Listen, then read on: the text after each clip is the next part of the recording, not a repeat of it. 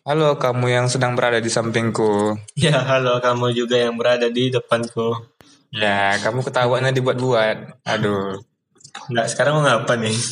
Ya, ini kan lagi santai-santai nih. Santai aja. Apa harus buru-buru? Soalnya saya lapar.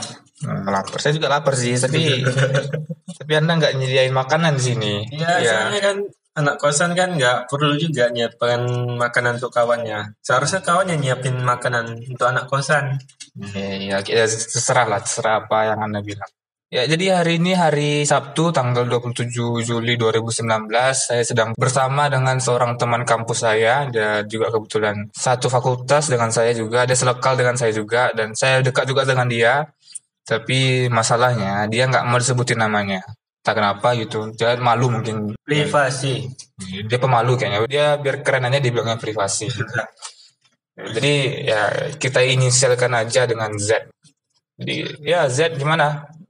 Gimana kegiatan akhir-akhir nih Ya, kegiatan saya seperti biasa, seperti mahasiswa-mahasiswa yang nilainya anjlok. Di liburan ini saya memanfaatkan waktu saya untuk menyelesaikan nilai-nilai saya yang anjlok. Maksudnya apa gitu? Remedi gitu? Ya bisa dibilang untuk sekolah-sekolah lain kan kalau sekolahan dibilang remedi, kalau untuk kuliah bisa dibilang semester pendek. oh jadi eh, ada juga ya kayak ngulang gitu di kampus gitu ya? Ada, ada, ada ya? Saya ada. semua fakultas gitu ada? Ya itu nggak tahu saya. cuma di teknik aja gitu yang anda tahu gitu? Nah itu ya, karena saya di teknik, saya kurang berbaur juga sih sama yang lain. Oh anda anda introvert gitu ya Wah, pasti. anda kalau pulang kampus anda pulang ke rumah yang lain pergi main-main gitu ya Oh pasti, saya kan iya ambisi saya kan kuat, hemat Oh duit. ya, ya inilah kenapa saya mengajak teman saya ini karena dia memiliki gitu, memiliki cara pandang dan perspektif hidup yang berbeda dengan yang lain gitu. Entah kenapa. Itu akan menjadi menjadi hal yang sangat menarik. Makanya saya mengajak dia di episode kali ini. Jadi kalau kamu eh kita pakai lo gue atau kamu saya. Kalau aja lah, kalau gue bawanya gue santai aja sih. Iya. Jadi kalau lo ya, kalau lo, kalau lo ya, kalau lo, kalau lo, eh, apa tadi semester pendek ya? Hmm, Semester pendek itu jadi tujuannya untuk memperbaiki nilai gitu. Au, Memperbaiki nilai, memperbaiki nilai. Emang nilai lo banyak yang jelek ya? banyak yang jelek. Gue bosan aja sih di rumah liburan ya kan. Makanya gue manfaatin waktu gue itu biar terisi waktu luang gue itu kan, Berma- lebih bermanfaat. Nah, emang waktu liburan nih cocoknya kita belajar gitu ya. Ya pasti. Ya pasti, nggak mungkin lah kayak teman-teman kita yang, yang liburan main-main ya kan? Ya. Nanti kalau lanjut semester berikutnya kan orang tuh lupa, jadi kita ingat, jadi kita lebih unggul daripada orang tuh. Ya nanti orang mereka lupa. Iya, iya. Tapi kan waktu liburan anda kapan nanti? Liburan saya nih ya sekarang juga. Hmm, sekarang oh belajar sambil liburan Ah, gitu iya. ya. Itu memang sangat apa ya sangat bisa dibilang menyelam sambil minum, minum air gitu. Nah, di situlah saya menjalani hidup saya dengan unik. Ya, memang sangat unik.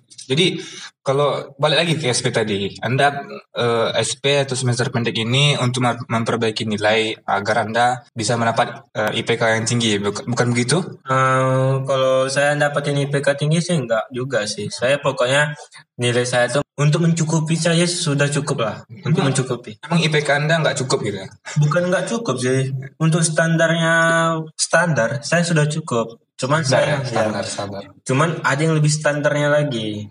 Itu mau saya cukupi. Kita sebagai mahasiswa harus punya standar yang tinggi ya. Setidaknya saya, kita mempunyai rencana. Ya. Jadi rencana itu yang kita harus kita kejar. Hmm, iya. Jadi tujuan SP ini bagi Z ya, ya emang cuma untuk memperbaiki nilai yang memang mungkin di bawah standar dia gitu. Oh, Iya. Mengenai soal IP, kebanyakan teman-teman kita lah kan, teman-teman kita banyak mikir kalau "Aduh, gila. Kalau IP aku rendah pasti ya payah aku besok masuk ke masuk di, di dunia kerja gitu. Payah aku masuk ke lamar ke kantor ke bank ke pabrik ke mana-mana eh, sesuai dengan jurusan kita. Pasti payah besok untuk kerja gitu.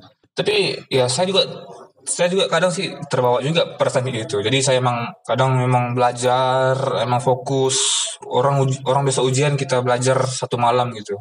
Gara-gara untuk ngejar nilai IPK ini. Tapi emang apakah benar menurut anda, uh, menurut lo lah, menurut lo cara berpikir seperti ini? Uh, gue bilang terlebih dahulu ya, yeah. setiap orang pandangannya pasti berbeda-beda. Jadi kalau ada orang yang bilang begitu itu wajar, karena pandangan setiap orang berbeda-beda. Tapi pandangan gue ini berbeda juga. Ya. Wajar ya kan? Wajar, wajar. Nah, wajar. wajar. Jadi kalau pandangan gue sih munafik juga gue bilang kalau nilai tinggi itu nggak berguna. Hmm. Cuman itu bukan prioritas gue. Hmm, iya, Formal iya, iya. itu gue jadikan formalitas gue itu. Hmm. Nilai itu ibaratnya ibaratnya gimana ya? Ya apa? Kayak ketika kita mau mencatat di buku, pasti kita harus melewati halaman dulu. Gue jadikan gitu. Hmm. Cuman bukan berarti gue nggak mementingkan yang lain. Gue lebih Contoh yang lain apa? Contoh yang lain apa maksudnya? Contoh yang lain itu aja. Gue penting juga nih. gue penting juga nih. Ibaratnya buku iya, kita yeah, yeah. pastikan kalau pengen mencatat yeah. kita harus membuka dulu halamannya, mm -hmm. baru kita bisa mendapatkan yang kita inginkan. Hmm. Mencatat ya kan? Ah, begitu juga sama gue. Kalau gue itu nilai itu hmm. bukan prioritas gue, hmm. cuman untuk persyaratan apa? Untuk mem memenuhi yang hmm. diinginkan dari perusahaan yang saya inginkan kan? Iya, iya, iya. formalitas aja ya. Formalitas bagi dua. Prioritas gue tuh, hmm. gue tuh pengen skill gue, hmm. hard work gue, soft skill gue tuh gue pengen mengasah terus. Karena gue jamin kalau dengan begitu gue terapkan tiga tuh, gue jamin gue pasti sukses. Tapi tapi coba coba coba gue tanya ke lo ya, lo Lu ikut organisasi nggak di kampus? Ah, Alhamdulillah, gue nggak ikut. Gini, kalau menurut pandangan gue ya dan teman-teman gue yang kebanyakan orang ya beranggapan kalau ya kalau lo masuk organisasi, lo pasti akan memiliki tiga sifat yang lo bilang tadi, hard work, skill, disiplin, semua integritas kepemimpinan gitu. Tapi kenapa anda malah nggak masuk gitu? Apa aneh? Apa aneh gitu? Atau gimana menurut anda? ya, uh, kan dah gue bilang juga kan, setiap orang yeah. itu berhak berpendapatan gimana. Ya berhak. Berbeda pun nggak harus kita bermusuhan. Ya. Benar orang sih dapat dari ketiga ataupun lebih dari sifat-sifat yang lebih lain lagi daripada yang saya sebutin tuh. Ya. Mungkin ada yang berpendapat bisa didapati dengan mengikuti, mengikuti organisasi. Hmm. Cuman menurut gue sih nggak kalau gue ngikuti dari organisasi mungkin hmm. jauh dapatnya dari kata iya. Hmm. Gue kalau tunggu dulu. Jadi maksud lo ya gue nggak salah juga ikut organisasi kan nggak salah ya kan menurut lo kan juga gak salah ya. Jadi, iya. jadi jadi ya terus gimana gimana kalau gue sih untuk mendapatkan sifat-sifat yang tersebut ataupun lebih kayak biasa kan orang bilang kedisiplinan, ya. wawasan yang luas, pengalaman yang luas, so itu sifat kepemimpinan yang tegas. Ya. Kalau menurut gue sih kalau gue untuk dapatin sifat-sifat yang tersebut, hmm. gue lebih baik lebih mencari tahu, menggali informasi, menggali hmm. ilmu, wawasan juga. Hmm. Ya lebih orang yang lebih profesional, yang sudah mengalami yang lebih mengalami fase yang kita lalui sekarang itu. Ya, ibaratnya mereka pastikan dapat yang mereka pastikan telah lalui. Jadi mereka bisa memberikan kita pelajaran, hmm, iya, iya. bisa memberikan kita saran, biar kita nggak salah ke depannya. Jadi maksud Z ini Ya, kita nggak harus ikut organisasi kalau mau mendapatkan uh, rasa kepemimpinan yang tegas, disiplin dan sebagainya. Tapi ya kalau cara Z uh, dia lebih bersosialisasi, bergaul dengan orang-orang yang udah berpengalaman seperti orang-orang ya, orang yang udah pernah melalui fase-fase seperti mahasiswa kita seperti ini. Terus ya, emang kalau kalau gitu ya pasti ya, lo pasti punya banyak kenalan gitu soal soal orang yang punya bekerja di bidang ini. Alhamdulillah. Eh, tapi dibilang dibilang dibilang industri ya kan? Nah, di bidang industri perkantoran teman-teman gue kenalan gue itu lumayan juga. Bukan sombong ya. Cuma ya, tapi teman-teman dia uh, udah kerja tapi dia masih kuliah. Iya, dari teman-teman gue, dari alumni gue juga cuma beberapa orang sih yang kuliah karena mereka lebih melanjuti kerja sambil kuliah. Hmm, lu pasti SMK ya kan? Iya, tanya. Gue dari SMK. Iya, wajar sih cara berpikir gitu wajar wajar. Iya. Jadi gimana tadi? Apa lu punya banyak keluarga atau teman gitu? Gimana? Apa ada silsilah keluarga lu yang apa? Oh, kalau soal silsilah sih gue SMK nih gara-gara abang-abang gue sih. Hmm. Karena abang gue sukses di SMK dapat dunia industri juga. Gue lebih dapat motivasi dari keluarga gue juga. Hmm, iya, iya. Makanya gue mendorongkan diri gue sama di sekolah SMK ini. Gue sih berharap dari tamatnya SMK langsung dapat kerja. Cuman susah untuk dapetin kerja yang lebih baik.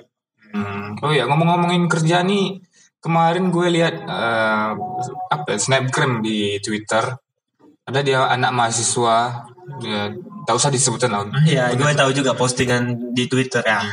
Dia bilang kalau "Eh, gue nih fresh graduate gitu, gue harus dapat eh, perusahaan yang gaji gue lebih dari 8 juta gitu. Oh iya, gara-gara univ ya. Iya. Karena jadi dia menurut dia karena dia fresh graduate, terus dia punya universitas yang bagus, jadi dia harus berhak mendapatkan gaji yang lebih tinggi gitu. Gimana pendapat pendapat eh, lo gitu? Jadi kalau misalnya yang dapat yang universitas terfavorit, orang yang kuliah di univers- universitas terfavorit, apakah mereka saja yang bisa mendapatkan hak yang untuk bekerja lebih bagus, Iya. dapatkan gaji yang lebih bagus? Iya. Menurut gue sih bisa, asalkan mereka memenuhi persyaratan yang diinginkan ya kan. Seperti yang anda bilang tadi ya, kayak Iya. kepimpinan, disiplin, integritas dan dan selebihnya lah ya. ya. Benar ya. Ya, skill hard work ya. Hmm. Kalau menurut gue sih itu kan membicarakan kesuksesan juga ya, Iya. Mem- masa depan. Hmm. Kalau menurut gue walaupun dari univers- universitas mana pun loh, Hmm. kalau lo mencukupi persyaratan yang perusahaan itu butuhkan, gue jamin pasti lo akan dibu diambil direkrut. Hmm, Iya, Pasti. iya. Jadi nggak nggak pengaruh ya walaupun lu di Oxford University, di Harvard, mau di mana pun di ITB. Ya kalau lu nggak punya basic atau dasar untuk bekerja yang gimana ya, bekerja yang berkualitas ya lu nggak bakalan bisa gitu untuk sukses gitu. Peternak lele yang nggak nggak kuliah aja bisa dia sukses. Banyak banyak juga berita-beritanya peternak lele dia sama bibit-bibitnya cuma se- sepeta akhirnya dia punya perusahaan lele diimpor gitu. Ya, emang banyak juga sih. Ini nggak penting kalau kamu jangan bangga kalau kamu kuliah di di universitas yang lebih terkenal favorit gitu. Boleh bangga, tapi jangan mencelakan. hmm, iya. Jangan sampai orang lain yang di univ yang lebih rendah jadi tersinggung. dan juga kamu menjelek-jelekkan universitas kamu ya kan? Iya, iya yang malu tuh nanti teman-temanmu universitasnya. iya terkenal lagi ya kan Iya, apalagi universi- universitas yang terfavorit juga. ya tahu gak usah dibahas lagi Nah, ya, privasi orang tuh juga. balik lagi lah kita bahas eh, IPK ini jadi satu pertanyaan nih untuk Z No, silahkan. Dari tadi banyak pertanyaan soalnya. Ini yang satu lagi. ini eh, important banget. Jadi berapa IPK Anda Z? Nah, sebelumnya ada kan saya bilang juga di awal. IPK saya sudah mencukupi standar. Cuman standar saya tuh bukan segitu. Ya, Makanya saya ingin menaikkan standar yang saya lagi. Setiap manusia kan pasti mempunyai visi misi juga. betul betul betul seperti saya juga. Hmm, Jadi standar saya tuh privasi juga. Privasi ya. Iya, standar orang pasti berbeda-beda. Emang sih ya, dia emang anonimus banget ya. Dia nggak mau diketahui semua nggak tahu. Tapi punya visi yang cukup menarik juga dianggap di pembicaraan kita hari ini. Dan dan gimana nih saran Z untuk teman-teman yang, yang berputus asa misalnya IPK-nya rendah gitu gimana sarannya? Kalau orang kayak gitu, gara-gara IPK rendah, orang tuh berputus asa. Coba mereka lihat di luar sana. Kita sekali-sekali jangan tengok yang di bawah. Sekali-sekali nengok juga yang di atas ya kan. Nengok orang-orang yang udah sukses itu. Orang tuh sukses gara-gara IP atau gara-gara niat pengen keberhasilan sama usaha mereka Iya. mereka pastikan anda bisa menilai sendiri lah kalau anda pasti berpikiran yang kritis ya dan saya pun dari teman-teman saya dari senior senior saya yang udah kerja bukan senior di kampus ya. Senior saya pas SMK ya yang sudah kerja. Kemudian orang-orang teman-teman abang saya yang udah kerja juga. Mereka gimana? Kuliah tuh mereka cuman berharap mendapatkan ijazahnya aja Hmm. untuk mendapatkan titel. Ibaratnya gitulah kata orang tuh. jangan sampai kita termusili tertipu dengan apa yang akan kita lalui ibaratnya bullshit lah. Hmm, ya. yang terlalu ambisi banget lah. Ya, ya, ya. Jadi untuk teman-teman gitu, kalau kamu punya IP yang rendah, dengan langsung apa jadi ex jadi extentation nangis sad. sedih lah jangan sampai bunuh diri. Goblok. diri.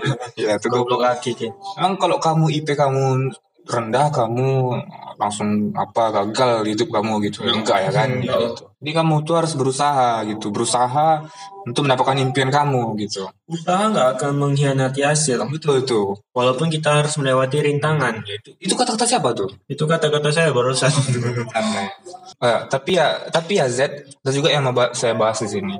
Apa tuh? Eh, saya lihat nih di di liputan6.com kalau 630 ribu mahasiswa itu menganggur gitu, pengangguran mereka. oh tamatan berarti ya Ya, ada tamat, wisuda ada wisuda oh Mereka tuh nganggur dan itu salah pemerintah atau salah mereka sendiri atau atau apa gitu? Eh, kalau menurut saya sih dari pemikiran saya juga dengan saya menilai diri dari diri saya sendiri Iya.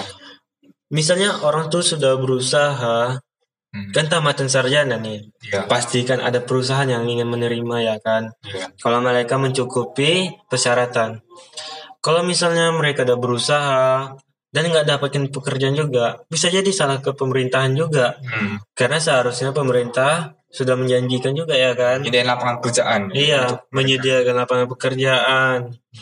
Cuman ada juga kesalahan dari sarjana tersebut. Hmm. Mereka terlalu ambisi untuk mendapatkan kerja yang layak sehingga sampai sekarang pun belum mendapatkannya karena ambisi yang eh terlalu egois. Maksudnya mereka maksudnya mereka lebih mementingkan IPK gitu maksud Anda? Bukan. Ibaratnya mereka nggak pingin kerja yang nggak sesuai dengan selera mereka. Sa- makanya mereka berharap dapat kerja yang A karena perusahaan besar, gaji yang besar. Ya. Cuman belum diterima sampai sekarang tetap berambisi dapatin ke- pekerjaan itu Hmm. dan masih nganggur. Hmm, ya, Itu ya. kesalahan dia kesalahan mereka. personal. Ya, tapi jadi bisa dibilang kedua belah pihak ini mahasiswa dan pemerintah juga ada salah gitu ya. Ah, bersangkut paut pokok. Ya, saling menyalahkan gitu ya. Saling salah menyalahkan gitu ya. Iya, kalau mereka sih pasti saling nyalah menyalahkan. Nah, jadi saya mau nanya, Anda Jokowi atau Prabowo? Nah, itu udah lewat. Oh, itu udah- lewat. Udah lewat. udah. Iya. Sorry, sorry, sorry, sorry. Saya, saya, saya emosional banget kalau bahas-bahas pemerintahan. Iya. Kalau kalau saya siapa pun presidennya, saya berharap Iya. dapat lebih makmur ke depannya Iya, negara iya. ini. Oke, sangat bagus sekali. Quote dari Z sangat menginspirasi sekali. Jadi kalau teman-teman, kalau kamu menganggap cara berpikir dari Z ini ada benarnya, ya bisa kamu ambil, bisa kamu tiru, bisa kamu jadikan sebagai cara hidup kamu, cara sebagai motivasi, eh, cara sebagai mengejar impian kamu eh, untuk mencapai kesuksesan. Bukan berarti apa yang dibilang Z ini adalah hal yang mutlak benarnya. Ya, ya, ya pasti juga ada yang salah gitu, bukan salah sih. Iya. Pasti ada juga yang berbeda dengan cara pandang kita sendiri karena kondisi lingkungan kita. Dan Z ini juga eh, menurut saya ya mungkin lebih eh, menurut menurut gue ya menurut gue kita sorry saya Pakai bahasa santai ya, aja. saya, ter- saya eh, gue terlalu formal dibilang-bilang kayak gini. Iya. Jadi jadi jadi Z ini menurut gue eh, harus dekat dengan orang-orang yang berpengalaman. Ya. Iya betul banget. tuh. Oke. Dan begini, saya saya pernah dengar quotes Anda. Quotes Anda ini sangat sangat sangat menginspirasi banyak kalangan mungkin jika mendengarnya, termasuk saya juga. Jadi bisa dibilang itu. Dan penjabarannya apa quotes Anda? Terus apa nih? Quotes quotes quotes apa ya? Yang ada tanda petik tuh ada tulisan bijak-bijak gitu. Oh itu bukan sebenarnya bukan saya. Saya mengutipnya dari orang lain juga sih. Oh, oh jadi bukan punya Anda. gitu. Iya. Cuman sih saya masih jarang lah orang pakai itu. Biasanya kalau yang dibilang dari dia kan gini. Ya. Kalau yang saya sering bilang sama teman-teman saya, semakin rendah IP orang, semakin bijak. Di situ kita bisa menilai orang. Ya, di situlah kita bisa menilai orang ya. Di situlah kita bisa menilai orang gitu. Jadi teman kita ini sangat bijak sekali ya. Sampai-sampai mereka lupa siapa Iya. diri mereka. Iya, betul sekali. Jadi Pandai menasehati, cuman lupa siapa diri. ya, pintar sekali. Iya. Jadi semakin rendah IP kamu, semakin bijak kamu menghadapi hidup ini. Ya, em- emang penting juga IP rendah nih ya.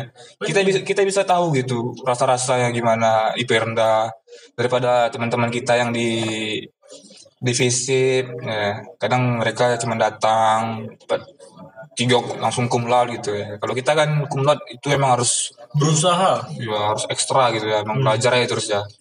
Ya, gitulah. Dan percakapan hari ini mungkin sangat sangat sangat singkat kali ya. Emang pengen kali gue ngomong pengen banget gue ngomong-ngomong dengan saudara Z ini. Cuman ya waktu ini nggak memungkinkan pula. Dia mau pergi pula dia. Iya, soalnya ini Sok kan sibuk juga dia. Iya. biar kelihatan lebih keren aja. Berlebat, iya dia berkelihatan keren juga. Jadi kalau kamu ada yang bisa diambil dari pembicaraan kami ini ya ambil, kalau nggak ada ya nggak usah diambil. Dan dan juga kalau kamu mau kenalan dengan saudara Z, ingin tahu siapa Z, kamu bisa ya hubungi saya dan saya akan ngasih tahu siapa Z ini. Dan dia teman juga teman saya juga ya. Pokoknya jangan sampai tertimbul haters. Ya, jangan timbul haters. Dia anino an, an Anonymous ya, Anonymous ya, terserah lah. Ya, yang muka-muka pakai topeng hacker gitu, dia biar dia apa ya, biar nggak nggak malu aja gitu di depan kawan-kawannya kalau dia pernah ngomong kayak gini. Soalnya kan gue juga bijak juga. Ya, biasa dia dia dia ini kadang asistensi maba besok ya kan. Iya pastilah. Nanti banyak maba-maba yang saya akan motivasi mereka. Jadi buat kamu mahasiswa baru ya, kalau kamu dengar ini, nah, hubungi saya biar kamu bisa asistensi dengan saudara Z ini. Ya. Apa pun judulnya. Iya. Biasa saya lebih bijak. Cuman saya nggak pernah menerapkan dengan diri saya sendiri. Jangan jangan seperti itu, itu terlalu jujur. Nah, iya. Jangan, jangan. Nanti nanti yang mau dengar. Oke, jadi percakapan yang sangat menarik ya dengan Z ini. Ya demikianlah percakapan saya dengan Z ini sangat menarik sekali. Saya juga mau pergi juga mau makan, jadi selamat selamat malam, selamat pagi, selamat siang, selamat sore, selamat subuh semua selamat dan sampai jumpa. See you next time. Yeah, see you next time. See you next episode.